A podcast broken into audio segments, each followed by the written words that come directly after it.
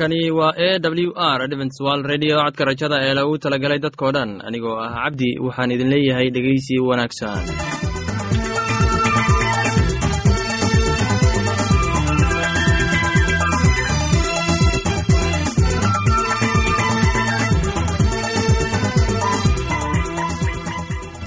barnaamijyadeena maanta waa laba qaybood. Qaybta koowaad waxaad ku maqli doontaan barnaamijka caafimaadka. Kadib waxaa inoo raaci doonaa cashar inaga imid bugga nolosha. Barnaamijyadeena maanta si wanaagsan u dhegeysan doontaan haddii aad qabto wax su'aal ama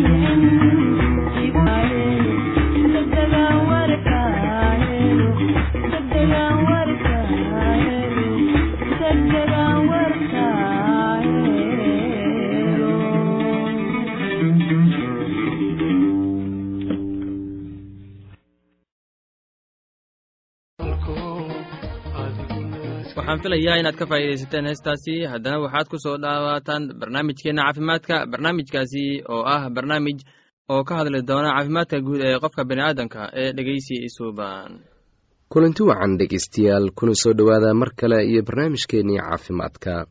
Maantana waxaynu ka hadlaynaa naasnuujinta hooyada. Naasnuujintu waxay ka mid tahay marxaladaha ugu horreeya ee waalidnimada hooyada.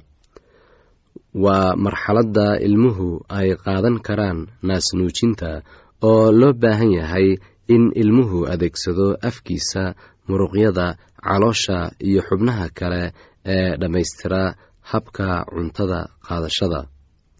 Marka uu ilmuhu dhasho waalidku wuxuu hanuun u qabaa in uu ilmaha dhashay wixii karaankiisa ah u qabto waxayna noqon kartaa dhar gogol ama cunto.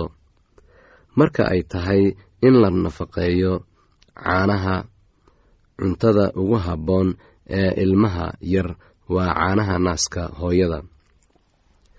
Haddaba cilmi baaris la sameeyey ayaa lagu xaqiijiyey in caanaha naaska hooyada ay tahay tan ugu habboon ee lagu nafaqayn karo dhallaanka ayna ka difaacayaan jirooyinka inta badan. Run ahaantii waxaa la ogaaday baaritaan kadib ilmaha naaska la nuujiyey in ay ka jiro yar yihiin marka loo eego ilmaha aan naaska la siin.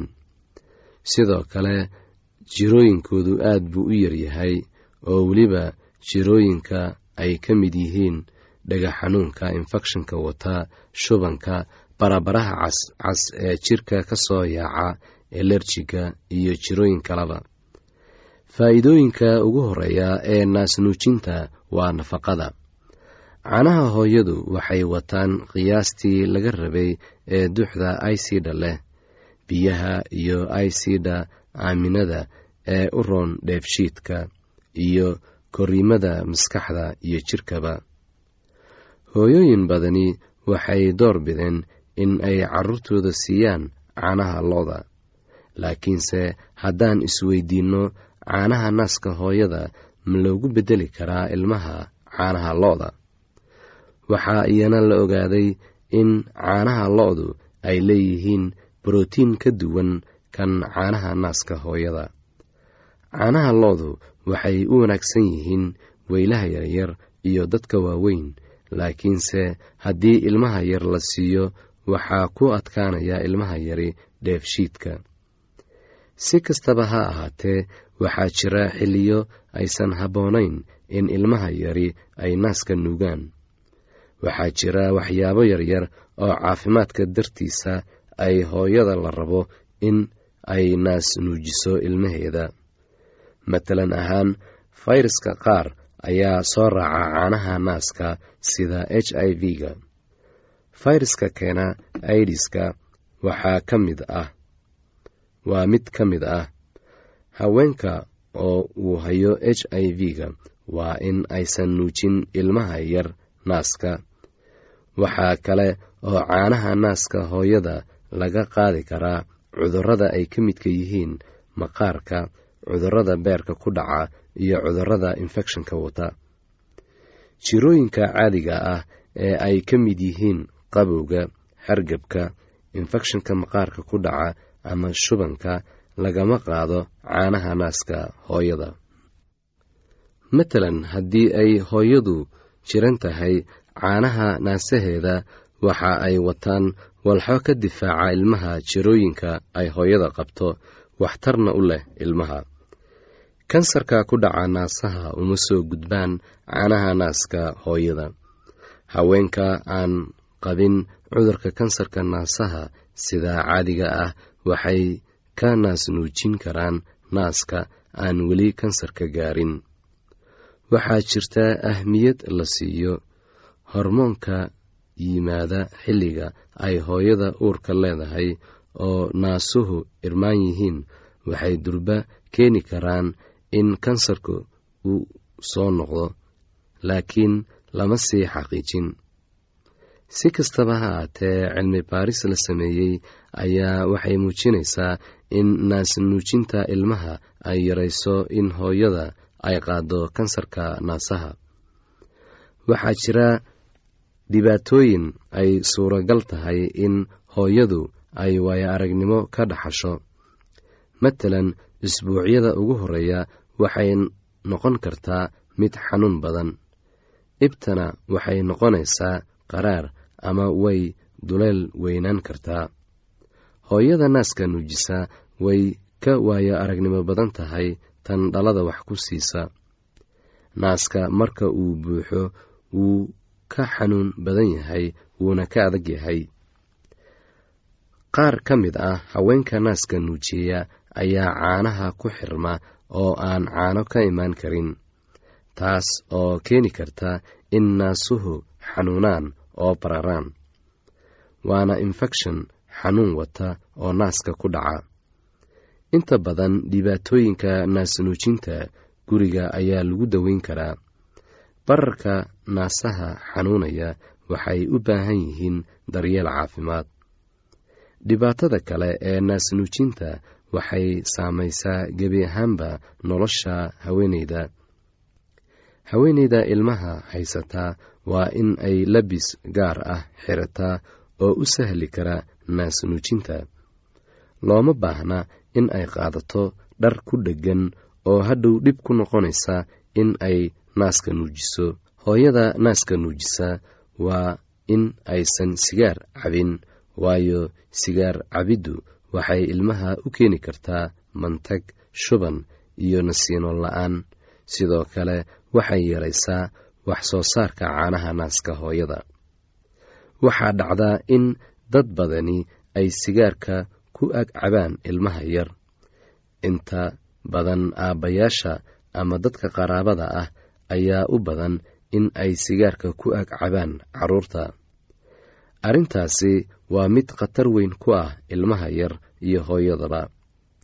Haddaba waa in mudnaan gaar ah la siiyaa caafimaadka ilmaha yar iyo hooyada oo aan lagu ag cabin sigaar ama aan lagu ag isticmaalin wax balwad ah. Waxaa dhacdaa in hooyada ay ka xishooto qaraabada qaar marka ay guriga soo booqdaan oo ay sigaar ku cabaan. Taasi waa arrin aan loo baahnayn in ay hooyada yeesho waayo waxaa loo baahan yahay in ay runta u sheegto oo aan lagu agcabin sigaarka. Waxaan filayaa inaad ka faaidaysateen barnaamijkaasi. Haddaba haddii aad qabto wax su'aal ama talo iyo tusaale fadlan inala soo xiriir ciwaanka yagu waa codka rajada sanduuqa boostada afar laba laba todoba lix nairobi kenya. Mar labaad ciwaanka yagu waa codka rajada sanduuqa boostada afar laba laba todoba lix nairobi kenya. Imeilka yagu waa somali at a w r o r g. Mar labaad imeilka yagu waa somali at a w r o r g. Ama haddii aad inala soo xiriiri rabtaan barta emesonka ciwaanka yagu oo ah codka rajada at hotmail dot com. Mar labaad codka rajada at hotmail dot com. Ama barta internetka hoyga oo ah w w w dot codka rajada dot o r g. Waxaad ka akhrisan kartaan falasha meesha ku jiraan iyo wixii kaloo barnaamij oo aad u moodid in ay ku anfici karaan. Haddana waxaad ku soo dhowaataan heestan daabacsan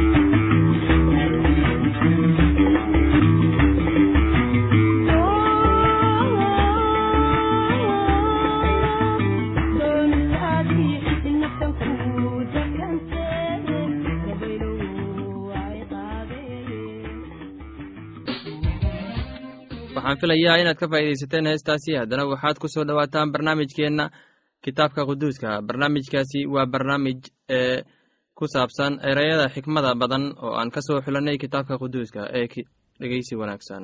Sheem oo aabbo u ahaa carruurtii ceeber oo dhan oo ahaa yaafeed walaalkiisii weynaa. Isagana carruur buu carruur baa u dhalatay wiilashiisii sheemna waxay ahaayeen ceelaam iyo ashuur iyo arfakasad iyo luud iyo aram. Wiilashii aramna waxay ahaayeen cuus iyo xuul iyo geter iyo maash. Arfaksadna wuxuu dhalay saalax. Saalaxna wuxuu dhalay ceeber ceeberna waxaa u dhashay laba wiil. Mid magaciisa wuxuu ahaa feleg waayo waagiisii ayaa dhulka qaybsamay. Magaca walaalkiisna wuxuu ahaa yoqtaan. Yoqtaanna wuxuu dhalay almodad iyo shelef iyo xaramwet iyo yera iyo hadoran iyo usaal iyo diqla iyo coobaal iyo abimael iyo sheba iyo ofer iyo xawila ee yoba kuwaasu kulli waxay ahaayeen wiilashii yokhtaan meeshay degganaayeenna waxay ku bilaabmaysay meesha marka loo kaco xagga sefaar buurta bari kuwanu waxay ahaayeen wiilashii sheem sidii qabiilooyinkoodii iyo afafkoodii iyo waddamadoodii iyo quruumahoodii ay ahaayeen kuwana waa qabiilooyinkii wiilashii nuux sidii farcankoodii iyo quruumahoodii ay ahaayeen oo kuwana quruumaha ka kala qaybsameen dadkii dabadiis. Dhulka oo dhammuna wuxuu ahaa isku af iyo isku hadal keliya waxaana dhacday markay xagga bari u sii socdaaleen inay waddankii shincaar meel bannaan ka heleen oo halkaas ay degeen oo waxay isku yidhaahdeen inakeena aynu lebel samayne oo aynu aad u dhuubne oo waxay dhagaxa meeshiisa u haysteen leben nuuradda meesheedana dhoobo oo waxay yidhaahdeen inakeena aynu magaalo dhisanne iyo munaarad dhaladeeda samadda gaadho oo aynu magac yeelano.